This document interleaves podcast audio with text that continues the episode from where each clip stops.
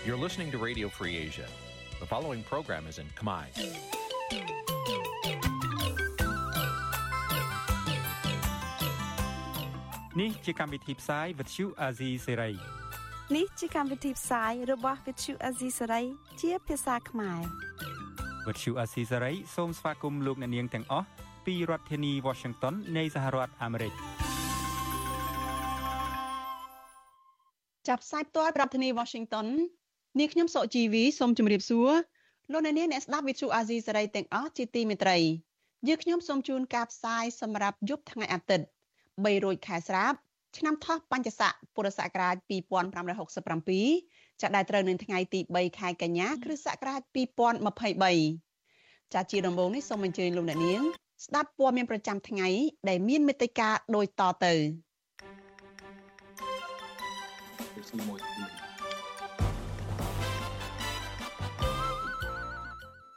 យុវជននិងមន្ត្រីអង្គការសង្គមស៊ីវិលថាលោកហ៊ុនម៉ាណែតមិនទាន់ស័ក្តិសមនឹងទទួលងារជាសម្ដេចទេក្រុមសឹកប្រឹក្សាបកភ្លើងទៀននៅឯខេត្តបៃលិនថាអាញាធរបកកណ្ដាលអំណាចមិនបានបែងចែកតួនាទីដល់ពួកគេមន្ត្រីអង្គការសង្គមស៊ីវិលបារម្ភពីសវត្ថិភាពពលករខ្មែរឆ្លងដែនខុសច្បាប់ទៅរកការងារធ្វើនៅប្រទេសថៃ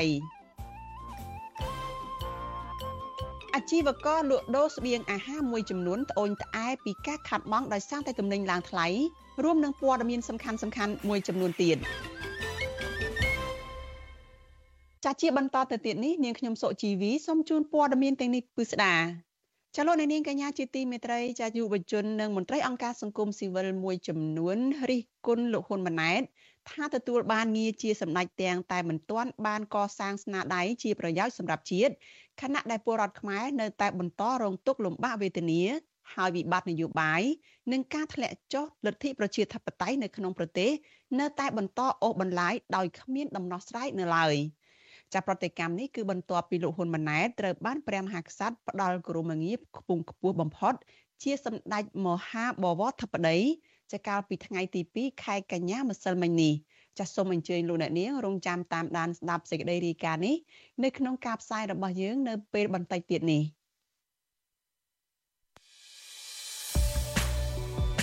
កម្មវិធី Vithu Azizi ស្រីសម្រាប់ទូរស័ព្ទដៃអាចឲ្យលោកអ្នកនាង អានអត្ថបទទស្សនាវីដេអូនិងស្ដាប់ការផ្សាយផ្ទាល់ដោយឥតគិតថ្លៃនិងដោយគ្មានការរំខាន ដើម្បីអាននិងទស្សនាមេតិការថ្មីថ្មីពី Vithu Azisari លោកអ្នកនាងគ្រាន់តែចុចបាល់កម្មវិធីរបស់ Vithu Azisari ដែលបានដំឡើងរួចរាល់លើទូរស័ព្ទដៃរបស់លោកអ្នកនាងប្រសិនបើលោកអ្នកនាងចង់ស្ដាប់ការផ្សាយផ្ទាល់ឬការផ្សាយចាស់ចាស់សូមចុចលើប៊ូតុងរូប Vithu ដែលស្ថិតនៅផ្នែកខាងក្រោមនៃកម្មវិធីជាការស្រេច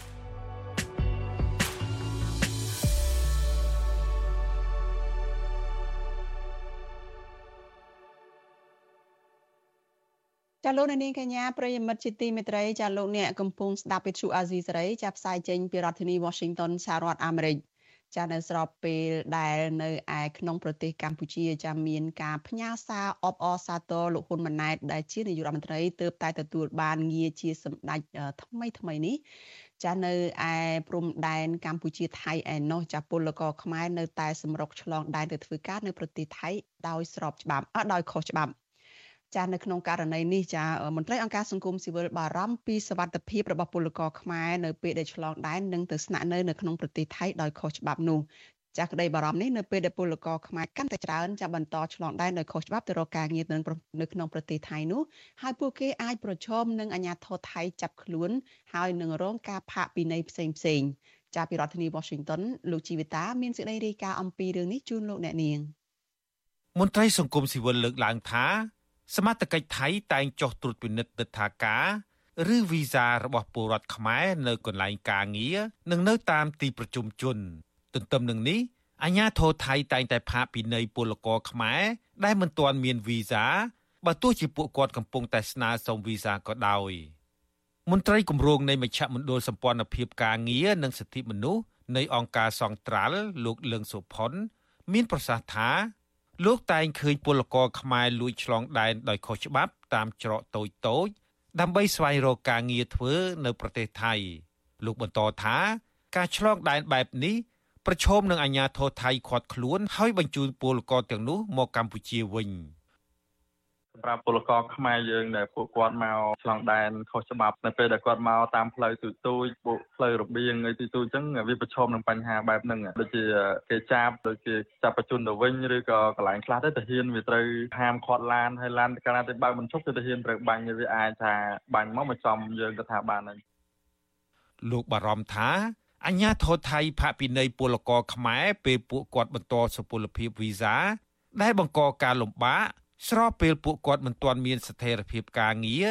និងប្រឈមចំណាត់ការតាមប្រព័ន្ធតុលាការថៃជាដើម។ក ន្លងមកហ្នឹងមានការស្នើសុំរបស់បងប្អូនពលករជាច្រើនតែពួកគាត់ហ្នឹងហាក់ដូចជាមិនទាន់មានចម្លើយមិនទាន់មានវិធានការណាមួយដើម្បីឲ្យបងប្អូនហ្នឹងបានយល់ដឹងឲ្យច្បាស់ច្បាស់លាស់អញ្ចឹងណាបាទហើយខ្ញុំក៏សូមជឿនឿដល់ស្ថាប័នពាក់ព័ន្ធហ្នឹងគួរណាស់តែគិតគូរព្រោះនៅថៃយើងនឹងស្រាវជ្រាវថាបងប្អូនប្រជាពលរដ្ឋខ្មែរយើងហ្នឹងច្រើនណាស់ជាង2លាននាក់ដែលពួកគាត់កំពុងតែស្វែងរកការងារធ្វើនិងធ្វើការនៅក្នុងប្រទេសថៃនាពេលបច្ចុប្បន្ននេះណាបាទ វិទ្យុអាស៊ីសេរីមិនទាន់អាចតាក់ទងរដ្ឋមន្ត្រីក្រសួងកាងារលោកហេងសួរដើម្បីសូមការឆ្លើយតបចំពោះបញ្ហានេះបានទេ នៅថ្ងៃទី3កញ្ញាចំណែកស្ថានទូតកម្ពុជាប្រចាំនៅប្រទេសថៃក៏មិនអាចតាក់ទងបានដែរនៅថ្ងៃដដែលនេះពលករខ្មែរធ្វើការនៅប្រទេសថៃលោកគួសារឿនថ្លែងថា ជារឿយរឿយពលករខ្មែរតែងតែត្រូវបានអាជ្ញាធរថៃផាកពិន័យដោយសារដាច់វីសា ឬកំពុងបន្តវីសា លោកស្នើដល់ក្រសួងកាងារឲ្យបញ្ចុះតម្លៃធ្វើលិខិតឆ្លងដែនដើម្បីឲ្យពលករមានលទ្ធភាពធ្វើឯកសារការងារដោយស្របច្បាប់ សម្រាប់ខ្ញុំវិញខ្ញុំចង់ឲ្យខាងស្ថានទូតកម្ពុជាយកប្រចាំប្រទេសថៃដើម្បីឲ្យគាត់ជួយដល់បងប្អូនពលករខ្មែរចំណាប់ស្រុកនៅប្រទេសថៃនឹងចង់ឲ្យគាត់មកធ្វើវីសាប៉ាសពតនៅប្រទេសថៃស្នើសុំអាជ្ញាធរថៃឲ្យគាត់បានមកចុះធ្វើគ្រប់កន្លែងដូចឆ្នាំហើយជា7 8ឆ្នាំមុនណាចង់បានអញ្ចឹងវិញដើម្បីឲ្យបងប្អូនយើងគាត់ខ្វះតវិការទៅគាត់អាចមិនដាច់ចុះទៅខ្មែរអញ្ចឹងគាត់អាចធ្វើតាមកន្លែងដែលពួកគាត់ធ្វើការបានអញ្ចឹងគាត់មានសមត្ថភាពធ្វើកាលពីខែមេសាកន្លងទៅ ក្រោយបុណ្យចូលឆ្នាំខ្មែរសមត្ថកិច្ចខេត្តស្រះកែវប្រទេសថៃ បានឃាត់ខ្លួនពលរដ្ឋខ្មែរឆ្លងដែនខុសច្បាប់ជិត1000នាក់ខ្ញុំជីវិតាអាស៊ីសេរី ចង់ដឹងពីជំនឿចិត្តរបស់រស្មីវិញថាតើបងអូនមើលឃើញថារដ្ឋាភិបាលថ្មីដឹកនាំដោយលោកហ៊ុនម៉ាណែតនឹងអាចដែរទេនៅទីបំផុតទៅនឹងអាចកាត់បន្ថយភាពក្រីក្ររបស់ប្រជាពលរដ្ឋបានបើយើងមើលទៅដោយរស្មីរៀបរាប់អញ្ចឹងគឺថាចាយវាយធនធាននឹងអត់ទាន់នឹងអីហងគឺហាក់ដូចជាខ្ជះខ្ជាយណាស់ទៅហើយក្នុងការតែងតាំងមន្ត្រីនយោបាយហ្នឹងតើប្រជាពលរដ្ឋអាចជឿទុកចិត្តបានទេនៅត្រង់ចំណុចនេះបាទ បើសិនជាយើងចង់ឲ្យនៅក្នុងប្រទេសកម្ពុជាមានការកាត់បន្ថយចំនួនប្រជាជនក្រីក្រទាញទម្លាក់នៅអត្រាប្រជាជនក្រីក្របានលុះត្រាណាតែប្រជាពលរដ្ឋខ្លួនឯងចាប់ផ្ដើមមើលឃើញពីចន្លោះប្រហោងរបស់រដ្ឋាភិបាលចាប់ផ្ដើមរិះគន់ចាប់ផ្ដើមក្រោកឈរដើម្បីការពារសិទ្ធិសេរីភាពរបស់ពួកគាត់ជាពិសេសទាមទារនៅឱកាសដែលពួកគាត់បានបាត់បង់ហើយនឹងចូលរួមទៅជាកត្តាមួយនៅក្នុងការធ្វើយ៉ាងណាដាក់សម្ពាធទៅដល់រដ្ឋាភិបាលចា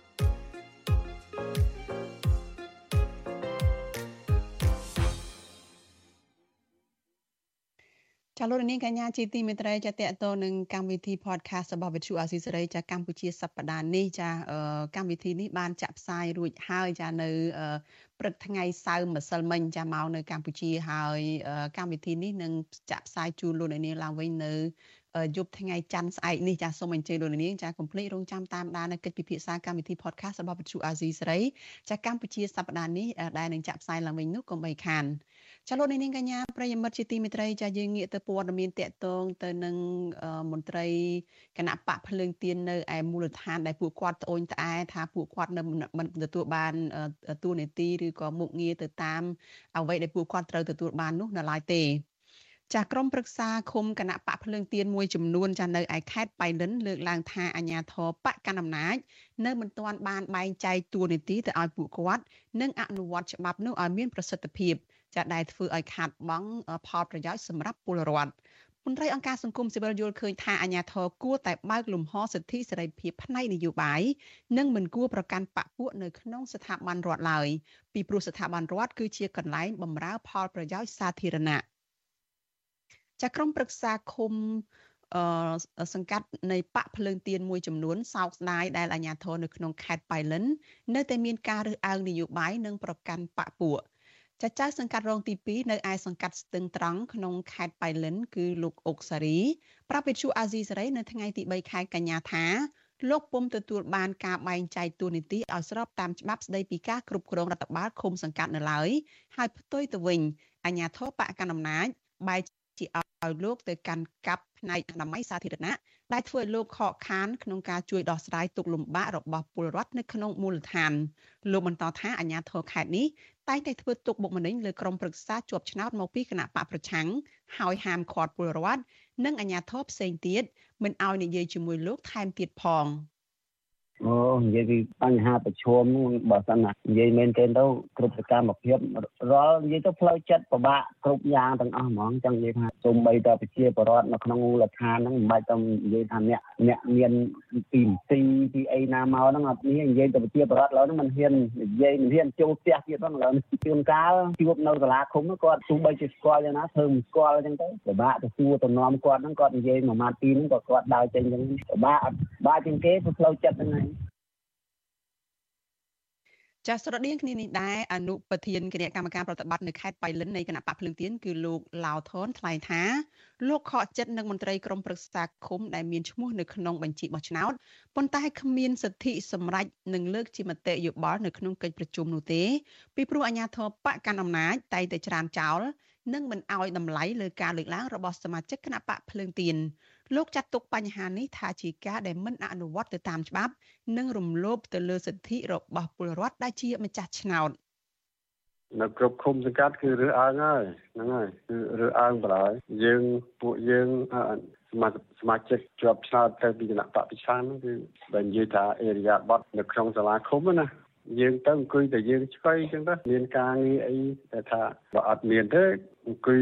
នៅសាលាឃុំក្បាលលំងអញ្ចឹងអញ្ចឹងមិនដឹងថារកឲ្យទៅមុខអ្ម៉េចចាក្រៅពីរងការរើសអើងផ្នែកនយោបាយចាការបំផិតបំភ័យហើយនោះនៅមានមន្ត្រីគណៈបកភ្លើងទៀនមួយចំនួនទៀតក៏កំពុងរងការគំរាមតាមចាប់ខ្លួននិងប្តឹងផ្ដាល់តាមផ្លូវតុលាការ ការគំរាមកំហែងដល់អាយុជីវិត ការវាយធ្វើបាប ការគប់ដុំថ្មចូលទៅក្នុងផ្ទះនិងអ្នកខ្លះទៀតក៏មានអ្នកដែលមិនស្គាល់មុខជិះម៉ូតូឬក៏ជិះឡានដេញបុកនៅតាមពីក្រោយពួកគេហើយបង្កើនសកម្មនៅពេលដែលពួកគេបង្កើនសកម្មភាពនយោបាយជាមួយនឹងគណៈបកប្រឆាំងចាវិទ្យុអាស៊ីសេរីមិនអាចតកតងអភិបាលខេត្តបៃលិនគឺអ្នកស្រីបានស្រីមុំដើម្បីសុំការឆ្លើយតបជុំវិញបញ្ហានេះបាននៅឡើយទេ នៅថ្ងៃទី3ខែកញ្ញានេះ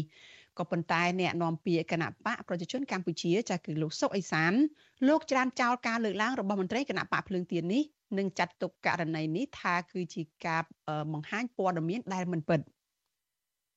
ការបប្រើផលប្រយោជន៍សាធារណៈជាពិសេសនៅក្នុងថ្នាក់មូលដ្ឋានហ្នឹងគឺប្រកបដោយគណនេយ្យភាពអន័យថាការបម្រើបម្រើសេវាជូនប្រជាពលរដ្ឋក្នុងនាមជាមន្ត្រីសាធារណៈឲ្យត្រូវតែគោរពទៅតាមគោលការណ៍នៃប្រព័ន្ធវិមជ្ឈការនិងប្រជាធិបតេយ្យថ្នាក់មូលដ្ឋានដោយមិនមានភាពរឹងអើងប្រកបដោយគណនេយ្យភាពប្រកបដោយតម្លាភាព ចាសូមអធិស្ឋានចាប្រសាសន៍អំបញ្ញមិញនេះមិនមែនជាប្រសាសន៍របស់លោកសុកអេសានទេប៉ុន្តែជាប្រសាសន៍របស់លោកអំសំអាតចាដែលលោកជានាយកទទួលបន្ទុកកិច្ចការទូតនៃអង្គការសិទ្ធិមនុស្សលីកាដូចាលោកអំសំអាតលោកចាត់ទុកថាក្រមប្រឹក្សាឃុំសង្កាត់គឺបានកាត់ឡើងពីការបោះឆ្នោត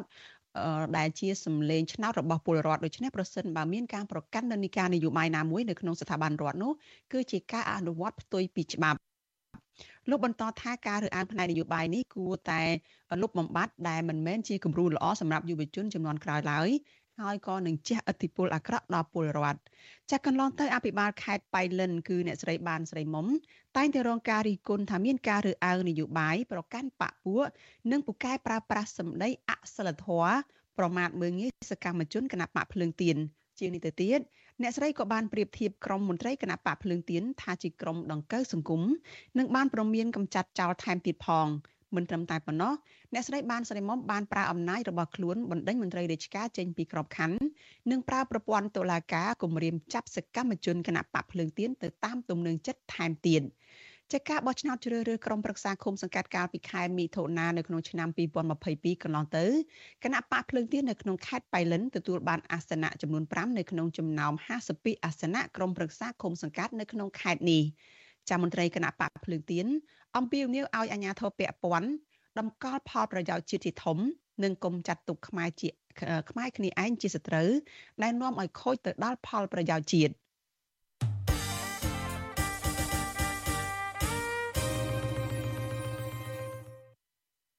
លោកនាងកញ្ញាប្រិយមិត្តជាទីមេត្រីចាព័ត៌មានជាបន្តទៅទៀតនេះចាគឺតកតងទៅនឹងការរិះគន់ដែលលោកហ៊ុនម៉ាណែតទទួលបានងារជាសម្ដេចចាយុវជននិងមន្ត្រីអង្គការសង្គមស៊ីវិលមួយចំនួនរិះគន់លោកហ៊ុនម៉ាណែតថាទទួលងារជាសម្ដេចទាំងដែលមិនទាន់បានកសាងស្នាដៃជាប្រយោជន៍ជូនជាតិខណៈដែលពលរដ្ឋខ្មែរបន្តរងទុក្ខវេទនា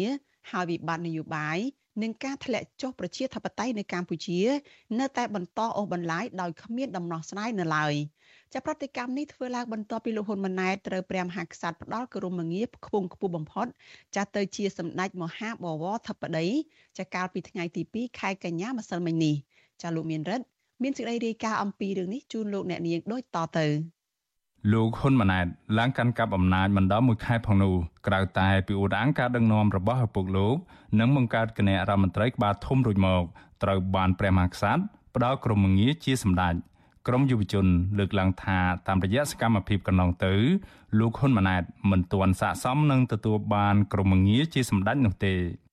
អ្នកសិក្សាផ្នែកច្បាប់និងជាអ្នកតាមដានបញ្ហាសង្គមលោកលីចន្ទរាវុធ លើកឡើងថាបើមើលពីទស្សនវិជ្ជានយោបាយការផ្ដល់ក្រមងារជាសម្ដេចដល់លោកហ៊ុនម៉ាណែតឲ្យខ្ពស់ត្រដែតបែបនេះអាចផ្ដល់ឥទ្ធិពលកាន់តែងាយស្រួលដើម្បីឲ្យលោកហ៊ុនម៉ាណែតគ្រប់គ្រងមន្ត្រីក្រមអាវ៉ាត់ដទៃទៀត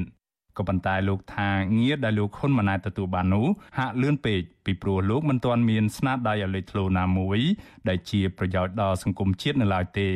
ខណៈអ្នកនយោបាយនិងសកម្មជនដីធ្លីកំពុងជាប់ឃុំនៅក្នុងគុក ហើយបញ្ហាប្រជាធិបតេយ្យនិងលំហសេរីភាពរបស់ពលរដ្ឋនៅតែយ៉ាប់យ៉ឺនដដែល គោលតែគិតតាពីប្រយោជន៍ផ្ទាល់ខ្លួនប្រយោជន៍គ្រួសារខ្លួនអញ្ចឹងទោះបីជាដាក់ក្រុមងារមកក្រុមងារហ្នឹងយកទៅប្រពះនៅក្នុងផ្លូវអាក្រក់ទៅវិញទេយកទៅគៀបសង្កត់ប្រជារាស្ត្រទៅវិញទេអញ្ចឹងឃើញកន្លងមកបុគ្គលច្រើនណាស់មានក្រុមងារជាអុកញ៉ាផងមានក្រុមងារជាសម្ដេចផងតែបុគ្គលទាំងនោះសុទ្ធតែពាក់ព័ន្ធនឹងវិបត្តិដីធ្លីសុទ្ធតែពាក់ព័ន្ធនឹងការប្រព្រឹត្តបំផ្លាញធនធានធម្មជាតិដើម្បីធ្វើជាប្រយោជន៍ផ្ទាល់ខ្លួនដូចនេះដូច្នេះខ្ញុំយល់ថាក្រុមងារហ្នឹងវាមិនពាក់ព័ន្ធសិទ្ធិភាពការងារដរាបណា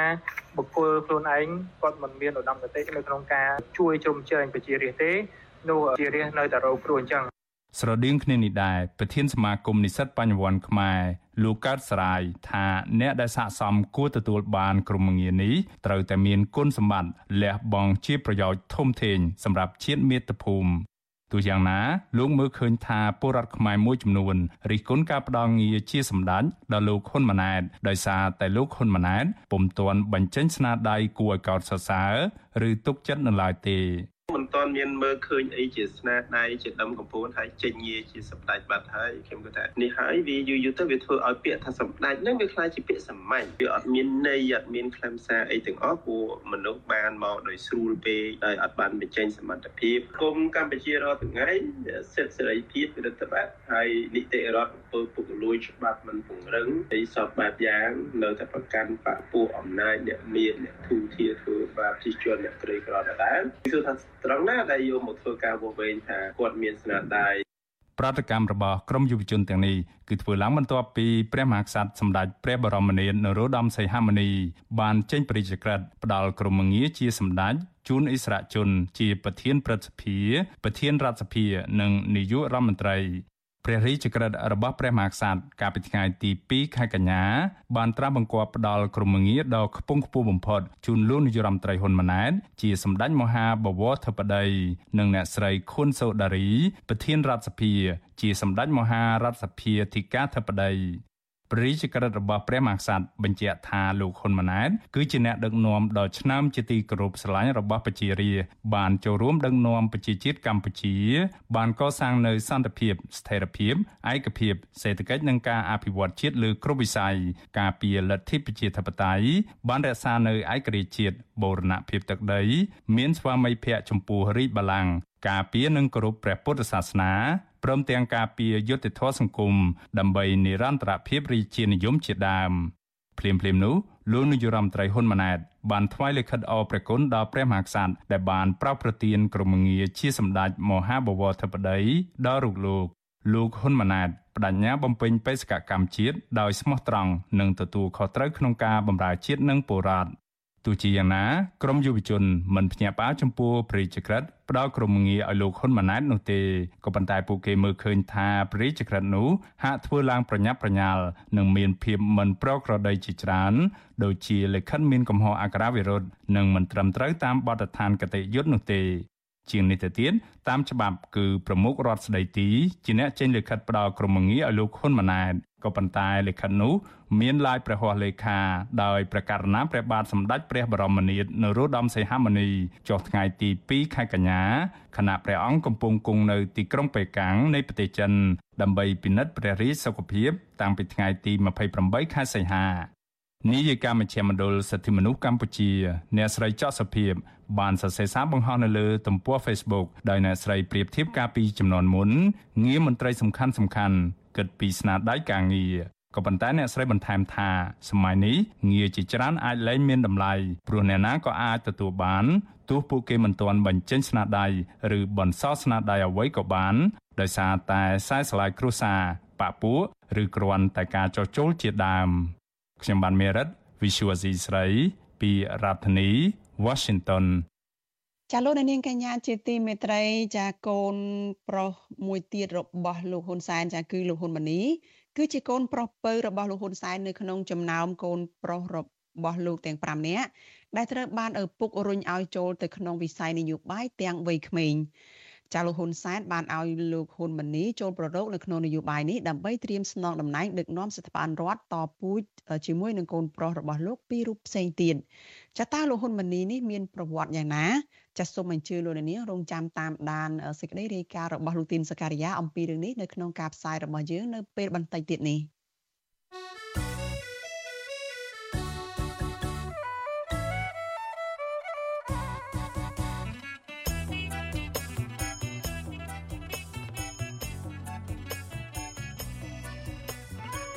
ចាលោកនាងកញ្ញាជាទីមេត្រីចាដំណើរគ្នានឹងស្ដាប់ការផ្សាយផ្ទាល់របស់ Vithu Azizi សេរីចានៅលើបណ្ដាញសង្គម Facebook YouTube និង Telegram ចាលោកនាងក៏អាចស្ដាប់ការផ្សាយរបស់យើងនៅលើ Vithu រលកធាតុអាកាសខ្លីចាដែលមានកម្រិតនិងកម្ពស់ដូចតទៅនេះចាប់ពេលព្រឹកចាប់ពីម៉ោង5កន្លះដល់ម៉ោង6កន្លះតាមរយៈ post SW ចា12.14 MHz ស្មើនឹងកម្ពស់ 25m post SW 13.71 MHz ស្មើនឹងកម្ពស់ 22m ចាប់ពេលយប់ចាប់ពីម៉ោង7កន្លះដល់ម៉ោង8កន្លះតាមរយៈ post SW 9.33 MHz ស្មើនឹងកម្ពស់ 32m ចាប់ post SW 11.88 MHz ស្មើនឹងកម្ពស់ 25m និង post SW 12.15 MHz ស្មើនឹងកម្ពស់ 25m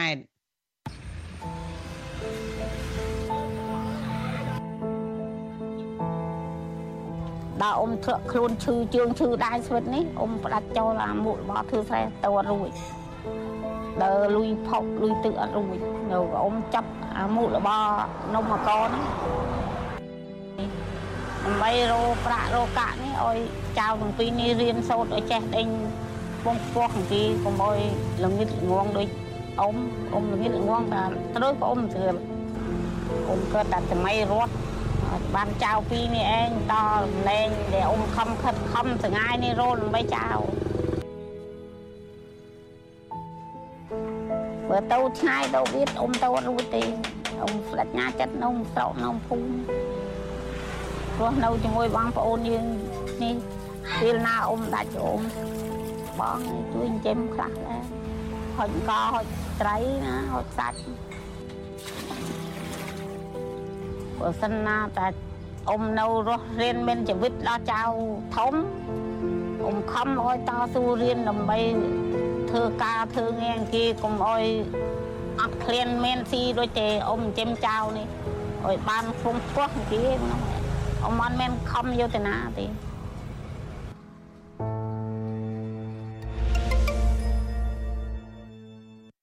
ចចាលោកនាងកញ្ញាជាទីមេត្រីចាលោកស្រីចែមផែតចានៅក្នុងវីដេអូអបាញ់មិញនេះចាគឺជាស្ត្រីគំរូហើយលោកស្រីបានខិតខំប្រឹងប្រែងតស៊ូទាំងវ័យចំណាស់ទៅហើយគឺអាយុជិត70ឆ្នាំទៅហើយចាខ្លួនប្រាក់ខ្លួនហ្នឹងក៏មានជំងឺប្រចាំកាយទៅទៀតចាប៉ុន្តែនៅតែខិតខំធ្វើនំអាកោលក់ចាប្រឹងទាំងយប់ទាំងថ្ងៃចាដើម្បីតែត្រឹមរកប្រាក់ ប្រមាណ10000រៀលដើម្បីយកទៅចិញ្ចឹមចៅហើយនឹងកូនស្រីមួយរូបចានៅក្នុងបន្ទុកដើម្បីឲ្យចៅនឹងបានរៀនសូត្របានក្លាយទៅជាអ្នកចេះដឹងហើយសង្ឃឹមថាចៅនឹងមានអនាគតល្អមានការងារធ្វើល្អមិនពិបាកយ៉ាប់យ៉ឺននៅក្នុងជីវភាពដោយលោកស្រីតទៅទៀតចាលោកស្រីចាមផែតនេះគឺជាស្ត្រីគំរូមួយរូបចាប្រសិនបើលោកអ្នកនាងចាមានស្គាល់ស្ត្រីគំរូរូបណាដែលខិតខំប្រឹងប្រែង ធ្វើការងារដើម្បីក្រុមគ្រួសារលះបង់ដើម្បីសង្គមដើម្បីសហគមន៍ចាសូមលោកអ្នកនាងណែនាំស្ត្រីប្រភេទនេះមកវិទ្យុអាស៊ីសេរីចាយើងនឹងធ្វើវីដេអូខ្លីៗពីស្ត្រីទាំងនោះចាដើម្បីចែកចាយពីបទពិសោធន៍នៃការតស៊ូរបស់ពួកគេដែលមិនសូវមានគេដឹងឮនេះចាដើម្បីឲ្យបានលោកអ្នកនាងបានដឹងបានស្គាល់ពួកគាត់ចា ចាលោកនាងកញ្ញាប្រិយមិត្តជាទីមេត្រីចាយើងងាកទៅព័ត៌មានមួយទៀតចាតកតងទៅនឹងអតីតករុសិស្សនៅឯវិទ្យាស្ថានជាតិអប់រំកាយចាអតីតករុសិស្សនៅវិទ្យាស្ថានអប់រំកាយនិងកីឡាដែលត្រូវបានសាលាលុបឈ្មោះចេញនោះលើកឡើងថាលោកនៅតែបន្តទៀមទារោគយុត្តិធម៌ដើម្បីឲ្យក្រសួងអប់រំយុវជននិងកីឡាបកស្រាយឲ្យបានច្បាស់លាស់ចំពោះការលុបឈ្មោះរូបលោកចេញពីវិទ្យាស្ថានជាតិអប់រំកាយនេះ ចាលោកនៅវណ្ណរិនមានសេចក្តីរាយការណ៍អំពីរឿងនេះជូនលោកអ្នកនាងដូចតទៅនៅមុខក្រសួងអប់រំយុវជននិងកីឡាអតីតគរុសិស្សវិទ្យាស្ថានជាតិអប់រំកាយនិងកីឡាលោកកៅសវណ្ណរិទ្ធក្នុងសម្លៀកបំពាក់ឈុតកីឡាអាវខ្លីខោខ្លីពណ៌ខៀវដោយមានដៃទាំងពីរកាន់ជញ្ជីងយុទ្ធធរពាក់មួកនិងពាក់បដាជាប់ខ្លួន ឧបករណ៍ទាំងនេះធ្វើឡើងពីក្រដាស់ទាំងអស់សិតសឹងជាសំណេរស្នើឲ្យក្រសួងយុវជននិងកីឡាបកស្រាយមូលហេតុពិតដែលវិជាស្ថានជាតិអប់រំកាយនិងកីឡាលុបឈ្មោះលោកចេញពីក្របខ័ណ្ឌលោកកៅសវណ្ណរិទ្ធឲ្យដឹងថាមូលហេតុដែលលោកតវ៉ានេះគឺដោយសារតែគ្រូសិស្សដតីទៀតដែលខុសលក្ខខណ្ឌនៃការជ្រើសរើសដោយលោកដែរតែពួកគេត្រូវបានក្រសួងអប់រំឲ្យបន្តការសិក្សាលោកកៅសវណ្ណរិទ្ធ ចោទជាសំណួរថាគរុសិស្សផ្សេងទៀតមានអាយុលើសពីលក្ខខណ្ឌនិងគរុសិស្សខ្លះទៀតមានអាយុលើសនិងបានរៀបការរួច6នាក់ដែលខុសពីលក្ខខណ្ឌហេតុអ្វីបានជាពួកគេអាចបន្តការសិក្សាបានមែនថាពួកខ្ញុំអត់ដឹងថានៅក្នុងវិទ្យាស្ថានមានអ្នកដែលខុសលក្ខខណ្ឌកម្ពស់ទេតែគឺថាយើងរៀនបានគេរៀនបានយើងក៏យើងអត់មានធ្វើបុកបនិញទៅអ្នកដែលលើសអាយុទេ តែពេលដែលដកមកក្រោយមកខ្ញុំបានទៅសេលិខិតកិច្ចអន្តរាគមន៍នឹងហើយបានដាក់ហេតុផលមានអ្នកលើសអាយុអីនៅក្នុងនឹងទៅក្រសួងច្រើនលើកច្រើនសារក៏មានការឆ្លើយតបដែរលោកកៅសវណ្ណរិទ្ធមានស្រុកកំណើតនៅស្រុកមេមត់ខេត្តត្បូងឃ្មុំដែលមានឪពុកជាគ្រូបង្រៀននិងម្ដាយជាមេផ្ទះលោកបញ្ចប់ថ្នាក់ទី12នៅក្នុងឆ្នាំ2020 ដែលជាសម័យរីករាលដាលនៃជំងឺ Covid ហើយក្រសួងអប់រំកំណត់ឲ្យបេក្ខជនដែលមានឈ្មោះប្រឡងបាក់ឌុបទាំងអស់ជាប់ដោយស្វ័យប្រវត្តិដោយមាននិស័យជាអ្នកស្រឡាញ់ខាងកីឡាលោកកៅសវណ្ណរិទ្ធបានដាក់ពាក្យប្រឡងចូលរៀននៅវិទ្យាស្ថានជាតិអប់រំកាយនិងកីឡាគណៈមណ្ឌលរបស់ក្រសួងកាលនោះត្រូវតម្រូវឲ្យគរុសិស្សមានកម្ពស់យ៉ាងតិច1ម៉ែត្រ65 បើទោះជាវិជាស្ថានអប់រំកាយបានវាស់កម្ពស់ឃើញថាលោកកៅសវណ្ណរិទ្ធមានកម្ពស់ត្រឹមតែ1ម៉ែត្រ62ក្តីក៏លោកត្រូវអនុញ្ញាតឲ្យចូលរៀននិងចូលរួមសម្ដែងការសម្ពោធកីឡាឋានមរតកដែលចូលថែមទៀតផង។ ទោះជាយ៉ាងនេះក្តីក្តីស្រមៃរបស់លោកកៅសវណ្ណរិទ្ធក្តីស្រមៃដែលចង់ក្លាយជាគ្រូកីឡានេះត្រូវបាត់បង់អស់ទៅវិញនៅក្រៅការចូលរៀនមួយខែបន្ទាប់ពីគ្រូគ្រប់គ្រងនៅវិទ្យាស្ថានជាតិអប់រំកាយនិងកីឡាសម្រាប់ចិត្តលុបឈ្មោះលោកនិងគរុសិស្ស11នាក់ផ្សេងទៀតកាលពីខែធ្នូឆ្នាំ2021ក្រោមហេតុផលថាពួកគាត់មានកម្ពស់មិនគ្រប់លក្ខខណ្ឌទេកា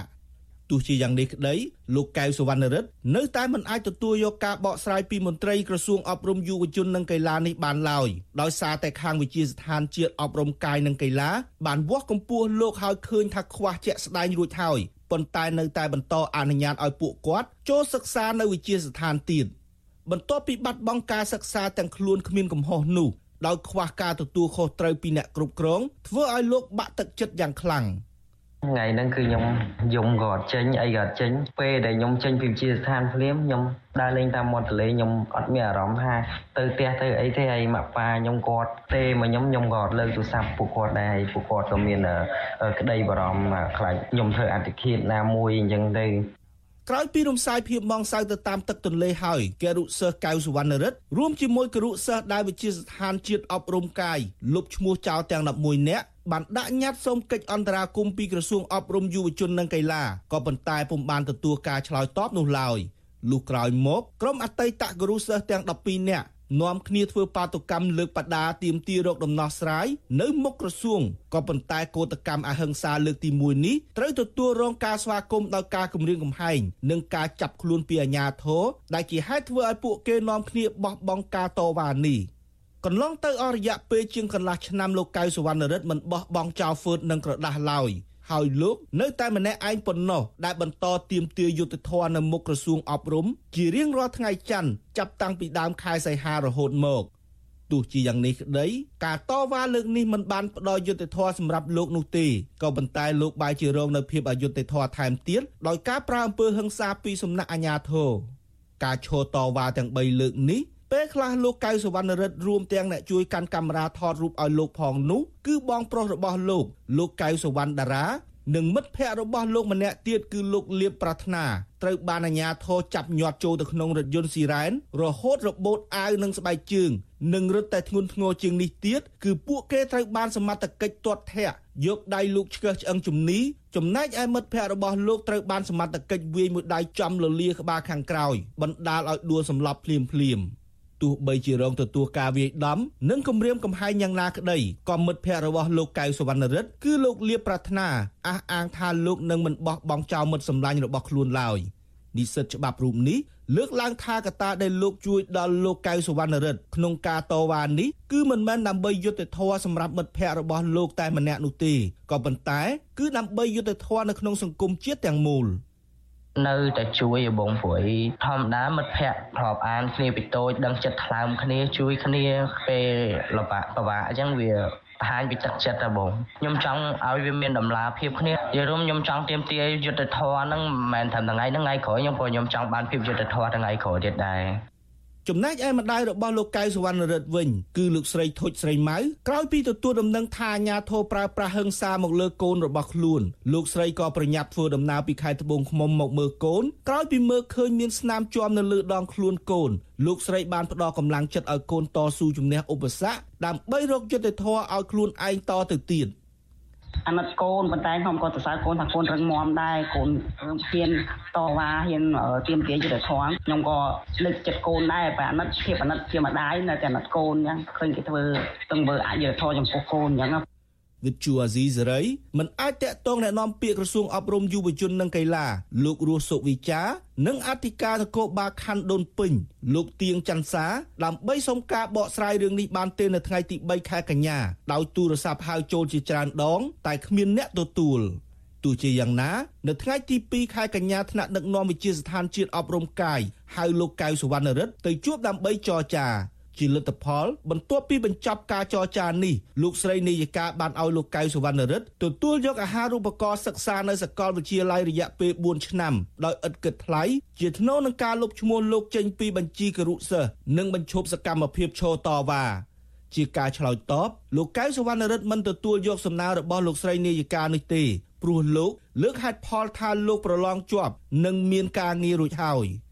ជុំវិញរឿងនេះប្រធានសមាគមគ្រូបង្រៀនកម្ពុជាឯករាជ្យលោកស្រីអុកឆាយវី មានប្រសាសន៍ថាការតវ៉ារបស់យុវជនកៅសវណ្ណរិទ្ធគឺដើម្បីចំណេះដឹង និងមិនបង្កឲ្យមានអសន្តិសុខឡើយដូច្នេះក្នុងនាមស្ថាប័នគំរូមួយក្រសួងអប់រំគួរលើកទឹកចិត្តនិងផ្ដល់ឱកាសឲ្យយុវជនកៅសវណ្ណរិទ្ធចូលក្នុងក្របខ័ណ្ឌវិញ។ លោកស្រីយល់ថាការលុបឈ្មោះគរុសិស្សចេញពីក្របខ័ណ្ឌគឺជាកំហុសរបស់វិជាស្ថានជាតិអប់រំកាយនិងកីឡាដែលធ្វើឲ្យយុវជនប៉ះទង្គិចផ្លូវចិត្តធ្ងន់ធ្ងរអ្វីដែលគាត់ស្រេកឃ្លានក្នុងការសិក្សាគួរតែផ្ដល់ឱកាសឲ្យគាត់ដើម្បីគាត់ជួយដល់ប្រទេសជាតិយើងចាបើយើងចង់មិនឲ្យគាត់រៀនគឺយើងត្រូវធ្វើតាំងពីដើមណា យុវជនកៅសវណ្ណរិទ្ធយល់ថាដំណោះស្រាយរបស់ថ្នាក់ដឹកនាំនៃវិជាស្ថានជាតិអប់រំកាយនិងកីឡាមិនមែនជំរឿដែលលោកចង់បាននោះទេហើយលោកនឹងបន្តការតវ៉ាដោយសន្តិវិធីនៅមុខក្រសួងអប់រំនៅព្រឹកថ្ងៃច័ន្ទទី4កញ្ញាបន្តទៀតខ្ញុំបាទនៅវណ្ណរិន With Chu Azizi Saray ពីរដ្ឋធានី Washington ចាលោកនាងកញ្ញាប្រិយមិត្តជាទីមេត្រីចាយើងងាកទៅព័ត៌មានដាច់ដライមួយទៀតចាគឺតកតងទៅនឹងជីវភាពរស់នៅរបស់ប្រជាពលរដ្ឋគឺអ្នកដែលមានមុខរបរជាអ្នកលក់ដូរម្ហូបចំណីឯនេះវិញចាអាជីវករអ្នកលក់ស្បៀងអាហារមួយចំនួនជួបការលំបាកដោយសារតែទំនិញឡើងថ្លៃជារៀងរាល់ថ្ងៃដែលធ្វើឲ្យពួកគាត់លក់មិនមិនសូវដាច់ហើយមុខទំនិញខ្លះខាត់បង់ថែមទៀតផង ចាជាមួយគ្នានេះលោកយុអមត្រីហ៊ុនម៉ាណែតក៏ប្រ កាសបដិញ្ញាថានឹងធ្វើឲ្យបញ្ហានេះមានភាពប្រសើរឡើងវិញចាលោកជីវិតារាយការណ៍អំពីរឿងនេះជូនលោកអ្នកនាងអឺដូចតទៅចា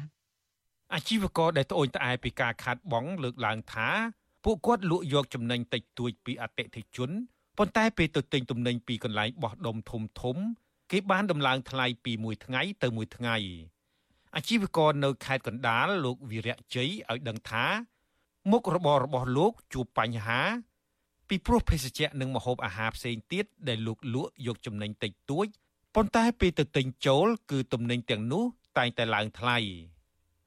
មួយរយៈនឹងយ៉ាំលក់ដែរលក់អត់សូវដាច់ហើយវាថ្លៃរបស់យើងយកចូលថ្លៃអាពេលដែលយើងយកចូលមកធូរថ្លៃដល់ពេលលក់អាហ្នឹងចេញអស់ទៅយើងត្រូវយករបស់ថ្មីចូលទៅយកអាថ្មីអាលុយដែលយើងលក់តម្លៃអាមុនហ្នឹងយើងទៅយកអាតំណែងថ្មីហ្នឹងយកអត់បានព្រោះតំណែងថ្មីហ្នឹងវាថ្លៃ ថ្លៃជាងអាអាយើងយកសាមុនណាវាឡើងអាជីវករនៅរាជធានីភ្នំពេញលោកលឹមប៊ុនគៀថ្លែងថា ទំនិញរំកិលឡើងថ្លៃគ្រប់មុខដោយខ្លះឡើងតិចខ្លះឡើងច្រើន លោកបន្តថាមុខទំនិញមួយចំនួន លោកឈប់លក់ដោយសារខាតបង់ហើយបច្ចុប្បន្នមានចំណូលទាបប៉ុន្តែចំណាយក្នុងគ្រួសារកើនឡើង វាឡើងថ្លៃនិយាយចាំទៅរឿងអីវ៉ាន់ហ្នឹងគឺឡើងថ្លៃហក់ឡើងបើនិយាយពីអង្គខ្ញុំទិញយកមកលក់មកបេតែ90000ជាងហើយឡើងមកបេជិត130,000ឡើងហក់ឡើងមកបេជាង20000ចំណែកអាជីវករនៅខេត្តពោធិ៍សាត់លោកគ្រីគ្រឿនឲ្យដឹងដែរថាលោកផ្អាកលក់នឹងជួសជុលទូរស័ព្ទដោយសារមិនមានអតិថិជន ចំណែកស្បៀងអាហារដែលលោកនៅបន្តលក់គឺកំពុងឡើងថ្លៃឥតឈប់ឈរ ធ្វើឲ្យលោកខាតបង់ឬចំណេញតិចទៅតាមមុខទំនិញ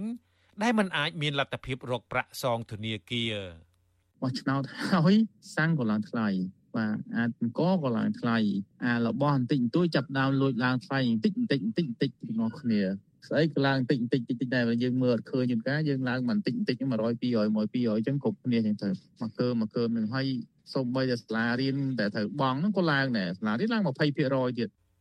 អាជីវករឲ្យដឹងទៀតថាមុខទំនិញរួមមានស្ករអំបិលទឹកត្រីប្រេងឆាមីពងទា និងអង្ករជាដើម ឡើងថ្លៃពីចន្លោះរាប់រយទៅរាប់ម៉ឺនរៀលក្នុងមួយមុខមួយមុខដោយឡែកស្ថានភាពនៅតាមផ្លូវទាំងក្នុងទីប្រជុំជននិងនៅតាមជនបទរួមទាំងកន្លែងលក់ដូរនៅតាមផ្សារក៏ស្ងាត់មនុស្សដែរអ្នកលក់ដូរភ ieck ច្រើន មានទឹកមុខក្រៀមក្រំរអ៊ូរទាំច្រើន និងបារម្ភពីបញ្ហាគ្មានប្រាក់សងធនាគារវិទ្យុអាស៊ីសេរីមិនអាចតាក់ទងរដ្ឋមន្ត្រីក្រសួងសេដ្ឋកិច្ចលោកអូនពួនមូនីរតនិងរដ្ឋមន្ត្រីក្រសួងពាណិជ្ជកម្មអ្នកស្រីចอมនិមលដើម្បីសាកសួរបានទេនៅថ្ងៃទី3កញ្ញាប៉ុន្តែនៅថ្ងៃទី1កញ្ញា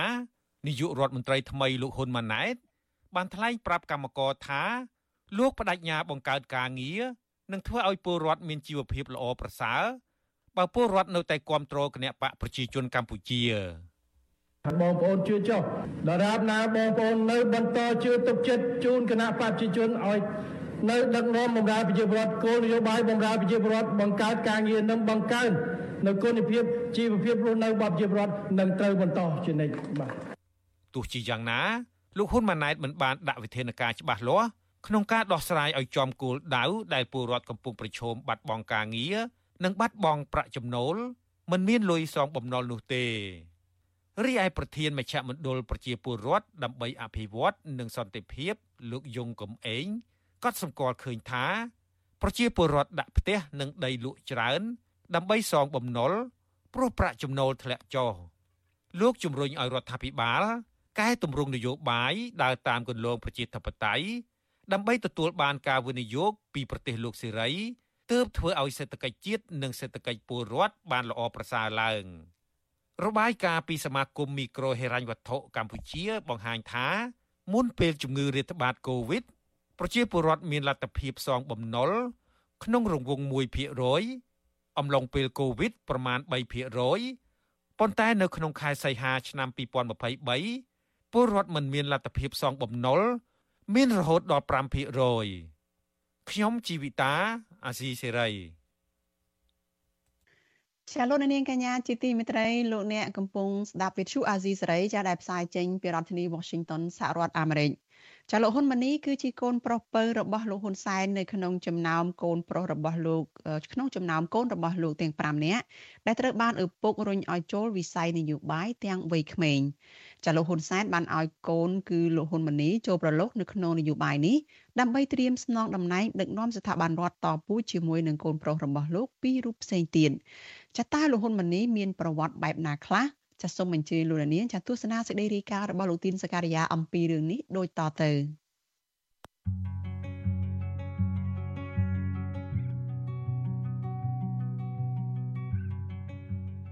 ហ៊ុនម៉ាណីជាកូនប្រុសពៅរបស់លោកនាយរដ្ឋមន្ត្រីហ៊ុនសែននិងអ្នកស្រីប៊ុនរ៉ានីលោកកើតនៅថ្ងៃទី27ខែវិច្ឆិកាឆ្នាំ1982អ្វីត្បិតតែលោកហ៊ុនសែនដឹកនាំប្រទេសតាមបែបកុម្មុយនីសចិនក្តី តែលោកបែរជាបញ្ជូនកូនចៅឲ្យទៅសិក្សានៅប្រទេសលោកសេរីទៅវិញជាស្ដែងដូចជាហ៊ុនម៉ាណីលោកហ៊ុនសែនបានបញ្ជូនឲ្យទៅសិក្សានៅប្រទេសបារាំងតាំងពីអាយុ9ឆ្នាំ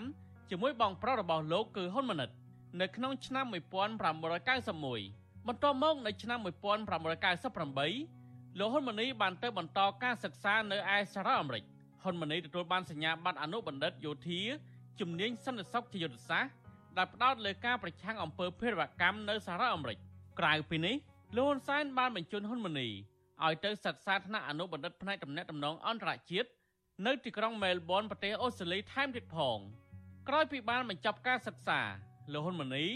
ត្រូវបានឪពុកភ្ជុងផ្ដើមឲ្យប្រឡូកចូលកិច្ចការនយោបាយលោកហ៊ុនសែនបានទាញយកកូនប្រពៅរូបនេះឲ្យធ្វើជាជំនួយការផ្ទាល់របស់លោកតែម្ដងលោកហ៊ុនសែនចាប់យកលោកហ៊ុនម៉ាណី មកធ្វើជាជំនួយការផ្ទាល់របស់លោកនេះតំណងជានៅពេលនោះលោកមានផែនការចង់រុញឲ្យហ៊ុនម៉ាណីមកស្នងតំណែងតពូជជំនួសលោកនៅពេលអនាគតក៏ថាបានក៏ប៉ុន្តែហ៊ុនម៉ាណីបែរជាធ្វើឲ្យឪពុកខកបំណងទៅវិញលោកហ៊ុនសែនបានដល់សេចក្តីទុកចិត្តពីលោកហ៊ុនម៉ាណីវិញដោយជប់ឲ្យស្ពាយកាបូបដើរតាមឬជាជំនួយការផ្ទាល់ទៀតតែទៅនឹងបញ្ហានេះលោកហ៊ុនម៉ាណីបានឆ្លើយប្រាប់សមាជិកក្រុមយុវជនសសយក នៅក្នុងពិធីសម្ពោធសិភៅក្តីសង្ឃឹមហ៊ុនម៉ាណីឲ្យដឹងថាភាពបរាជ័យក្នុងឆាកជីវិតរបស់លោកគឺការធ្វើជាជំនួយការឲ្យឪពុកខ្លួនឯងលោកធ្វើមិនបានសម្រេចកិច្ចការមួយចំនួនដែលជាហេតុធ្វើឲ្យឪពុកលោកដកសេចក្តីទុកចិត្តអស់រយៈពេល3ឆ្នាំកំហុសរបស់ខ្ញុំធំជាងគេចេញមកពីរៀនគឺអីទី1ពជាពេលអត់ធ្វើការសិក្សាស្រាវជ្រាវទី2អាការស្វែងរកប្រភពនៃការ វិនិច្ឆ័យទៅលើអ្វីដែលជាប្រធានបទគាត់ឲ្យដាក់ធ្វើអត់បានធ្វើឲ្យបានមកចប់គាត់ឲ្យរយៈពេលប្រហែលជាកន្លះខែពេលຕົកបាយគាត់សួរថាលើរឿងហ្នឹងមិនហើយតើអ្នកណាក្នុងចំណោមប្រមាណអ្នកហ្នឹងឡើងខ្ញុំបាននិយាយដោយសម្បាញ់ថាមិនដឹងថាមួយណានឹងឡើងទេតែហាក់បីដូចថាម្នាក់នេះនឹងអាចឡើងគាត់អត់និយាយមួយម៉ាត់គាត់ដើរគាត់បាយឡើងលឿនគាត់ដើរចេញតែក្នុងចំណោម3នាក់ខ្ញុំថាមានប្រុសមិនដឹងប្រុសមួយណាឡើង គាត់ថាឲ្យមានដឹងឯងកូនគេមានតែប្រុសតែម្នាក់3ឆ្នាំជំនឿទុកចិត្តបានបាត់បង់ដោយសារចម្លើយរបស់ខ្ញុំដោយមិនទទួលខុសត្រូវនេះ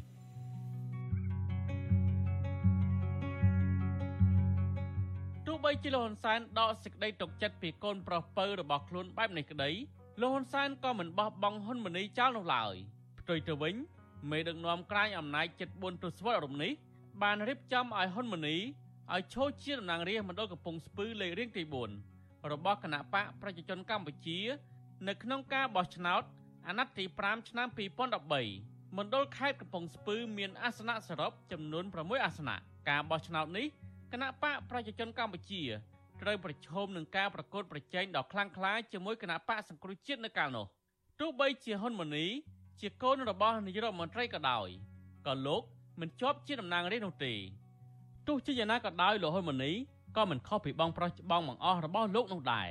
ទោះបីជាបរដ្ឋមិនបោះឆ្នោតឲ្យលោកធ្វើជាតំណាងរាស្ត្រក៏ដោយក៏ក្រោយការបោះឆ្នោតឪពុករបស់លោកបានចាត់ចែងឲ្យមានការរុះរើដោះដូរបេក្ខជនជាប់ឆ្នោតคล้ายជាតំណាងរាស្ត្របានសម្រេចដែរ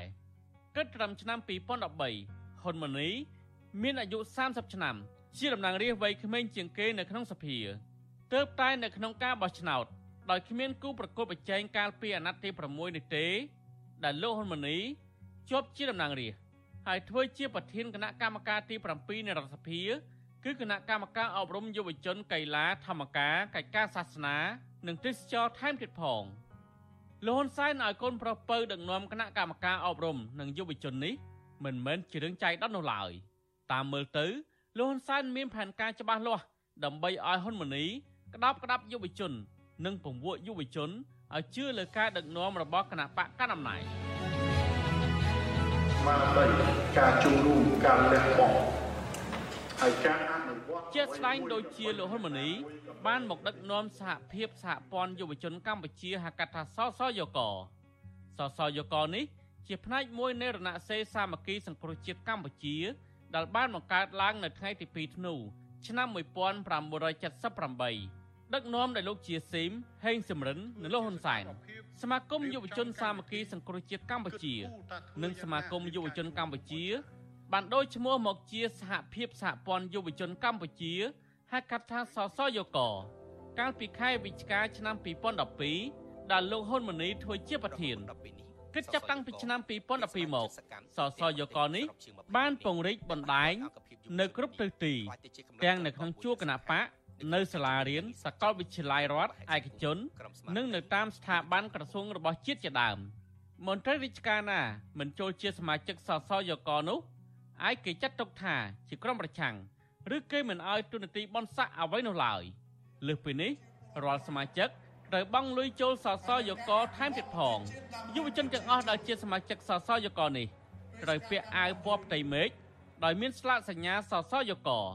យុវជនដែលពាក់អាវនេះ ហាក់បីដូចជារំភើបនិងមានអំណាចសម្ដែងរឹកពីខុសពីធម្មតាលោកហ៊ុនម៉ាណីបានពង្រួមយុវជនមួយចំនួន តាមរយៈការផ្ដល់ទូនាទីលៀបសក្ការៈដើម្បីអន្តងចិត្តឲ្យគេព្រមជឿតាមយ៉ាងងប់ងល់លើគណៈបកប្រជាជនកម្ពុជាមិនខុសពីកម្មាភិបាលខ្មែរក្រហមស្លៀកពាក់ឈុតពណ៌ខ្មៅហើយស្មោះស្ម័គ្រនឹងអង្គការនោះឡើយស្នាដៃធំធំរបស់ហ៊ុនម៉ាណីដឹកនាំសសយកគឺឲ្យយុវជនជួយគ្រប់គ្រងគណៈបកកណ្ដាលអំណាច ក្រោមការដឹកនាំរបស់ឪពុករបស់លោកនោះ គឺលោកបង្កើតក្រុមគ្រូពេទ្យស្ម័គ្រចិត្តចុះព្យាបាលប្រវត្តិនៅតាមតំបន់មួយចំនួនក្នុងពេលដែលរដ្ឋាភិបាលដឹកនាំដោយឪពុករបស់លោក មិនបានពង្រឹងនិងលើកស្ទួយវិស័យសុខាភិបាលផងនោះរីឯក្រុមគ្រួសារសាច់ញាតិបងប្អូនរបស់ត្រកូលហ៊ុនវិញ ពេលឈឺស្កាត់ម្ដងម្ដង ពួកគេបាននាំគ្នាទៅព្យាបាលនៅមន្ទីរពេទ្យនៅក្រៅប្រទេសស្ងាត់ស្ងាត់ ដូចជានៅសង្ហបុរីនិងនៅមន្ទីរពេទ្យនៃបណ្ដាប្រទេសរីកចម្រើនជឿនលឿនមួយចំនួនទៀតក្នុងពិភពលោកលោកហ៊ុនម៉ាណីបានបន្លំភ្នែកមហាជនមួយទៀតគឺបង្កើតព្រឹត្តិការណ៍អង្គរសង្ក្រាននៅខេត្តសៀមរាបនៅក្នុងពិធីចូលឆ្នាំថ្មីប្រពៃណីជាតិដែលមានអ្នកចូលរួមយ៉ាងច្រើនកកកនារយៈពេលប្រមាណឆ្នាំចុងក្រោយនេះការគៀងគរយុវជនរៀបចំកម្មវិធីអង្គរសង្ក្រានដែលលោកហ៊ុនសែនចាត់ទុកថាជាប្រវត្តិសាស្ត្រនេះ សសយកបានធ្វើនំអន្សមយៈធំជាងគេលើពិភពលោក ធ្វើទូកវែងជាងគេក្នុងលោកត្បាញក្រមាវែងជាងគេក្នុងលោក និងលបួងលួងលោមឲ្យស្ថាប័នរដ្ឋនិងឯកជននានាទូទាំងប្រទេសចូលរួមបត់ក្រដាសពណ៌រូបបេះដូងចំនួន1លានសន្លឹកជាដើមដើម្បីគ្រាន់តែចង់បានឈ្មោះក្នុងសិភៅបញ្ជីកំណត់ត្រាពិភពលោកដែលគេដឹងច្បាស់ថាកំណត់ត្រានោះនឹងគ្មានផលប្រយោជន៍អ្វីជាដំកំភួនសម្រាប់ការកសាងជាតិក៏ដោយ។ នេះជាការចំណាយលុយដ៏ច្រើនសន្ធឹកសន្ធាប់នៅស្របពេលប្រជាពលរដ្ឋរាប់លាននាក់ស្ទើរតែរកអង្គច្រកឆ្នាំងបានផងនោះទោះបីជាហ៊ុនម៉ាណីបានសិក្សានៅក្រៅប្រទេសនិងបានដឹកនាំយុវជនរាប់ម៉ឺនសែននាក់បែបនេះក្តីក៏ប៉ុន្តែបើពិនិត្យមើលឲ្យស៊ីជម្រៅទៅលោកហ៊ុនម៉ាណីមិនទាន់ស័ក្តិសមជាមេដឹកនាំគំរូ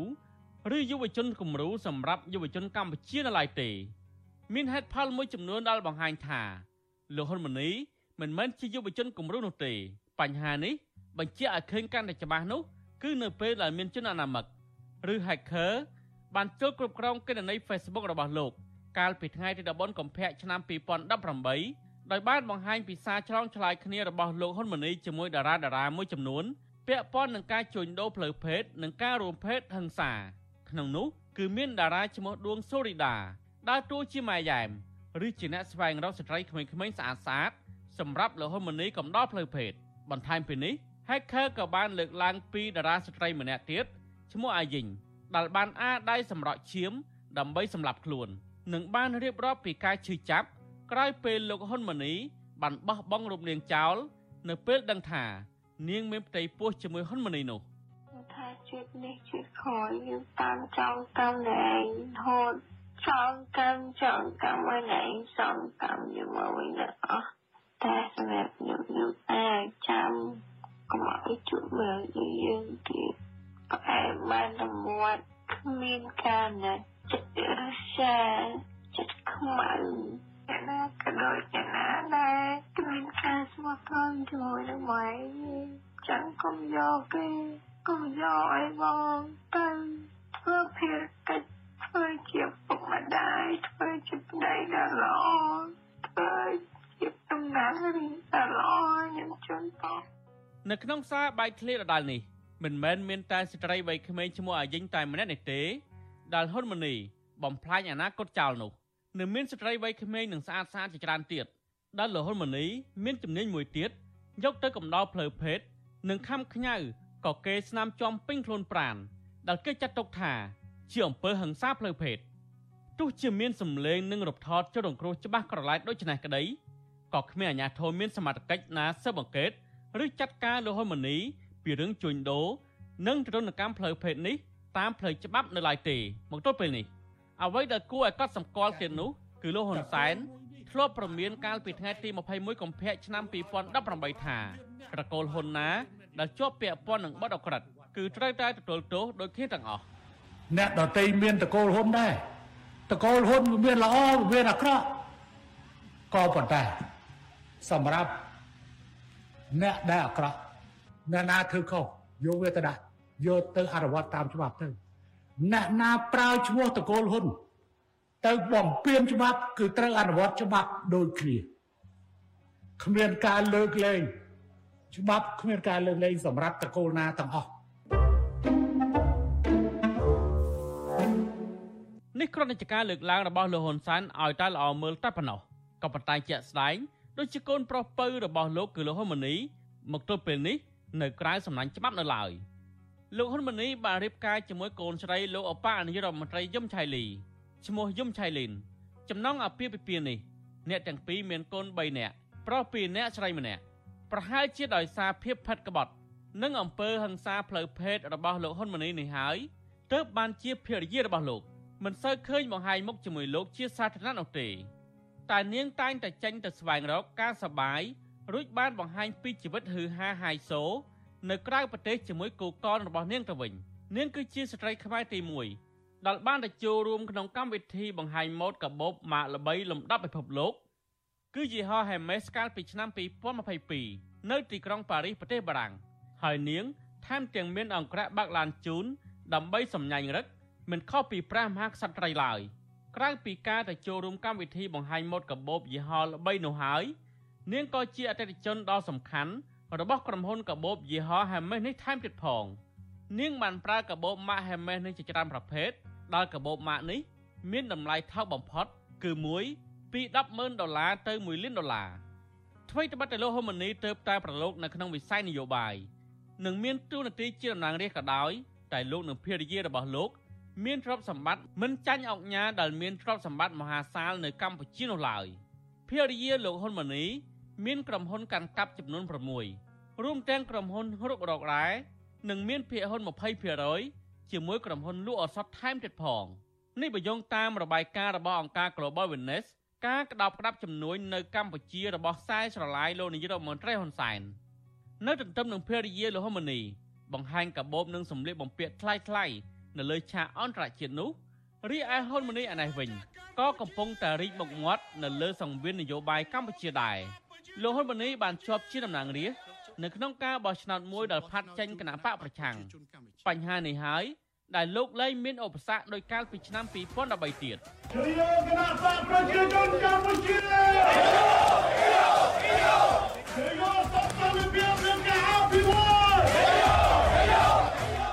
លើសពីនេះទៀតនៅមុនការបោះឆ្នោតជាតិថ្ងៃទី23កក្កដាឆ្នាំ2023នេះវិញ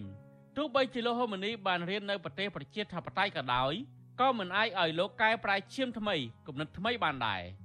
លោកនៅតែកាត់ទៅរកលោកហ៊ុនសែនដែលជាឪពុកដដែលដែលឪពុកលោកត្រូវបានអង្គការសិទ្ធិមនុស្សអន្តរជាតិ Human Rights Watch ដាក់រហស្សនាមថាជាមេដឹកនាំបាត់ដៃកខ្វក់ជាយូរមកហើយលោកហ៊ុនម៉ាណីបានថ្លែងគម្រាមអ្នកបោះឆ្នោតថា បើចង់ប្រកបប្រជែងប្រជាធិបតេយ្យត្រូវតែទៅបោះឆ្នោតតែបើឃើញចេញមកតាមផ្លូវដែលខុសច្បាប់នឹងត្រូវអនុវត្តតាមច្បាប់លោកហ៊ុនម៉ាណីបានបញ្ចេញសារនយោបាយបែបហិង្សានេះមិនខុសពីលោកហ៊ុនសែននោះឡើយលោកបានប្រមានថាទោះក្នុងតម្លៃណាក៏ដោយក៏ត្រូវការពារសន្តិភាពឲ្យបានដែរគ្រាន់តែថាមេរៀននៃការប៉ុនប៉ងធ្វើបដិវត្តពណ៌ពិតជាមានពិតប្រាកដតែក៏សូមបញ្ជាក់ថាបទពិសោធន៍2013 2014បានបង្រៀនយើងច្បាស់ ដែលបញ្ជាក់ថាក្នុងតម្លៃណាក៏ដោយយើងត្រូវការពារសុខសន្តិភាពហើយមិនអាចឲ្យវិលត្រឡប់មកវិញនៃការប៉ុនប៉ងធ្វើបដិវត្តពណ៌នេះទេទោះបីក្នុងតម្លៃណាក៏ដោយចង់ប្រគល់ប្រជែងលទ្ធិប្រជាធិបតេយ្យសេរីពហុបកទៅទៅបោះឆ្នោតទៅ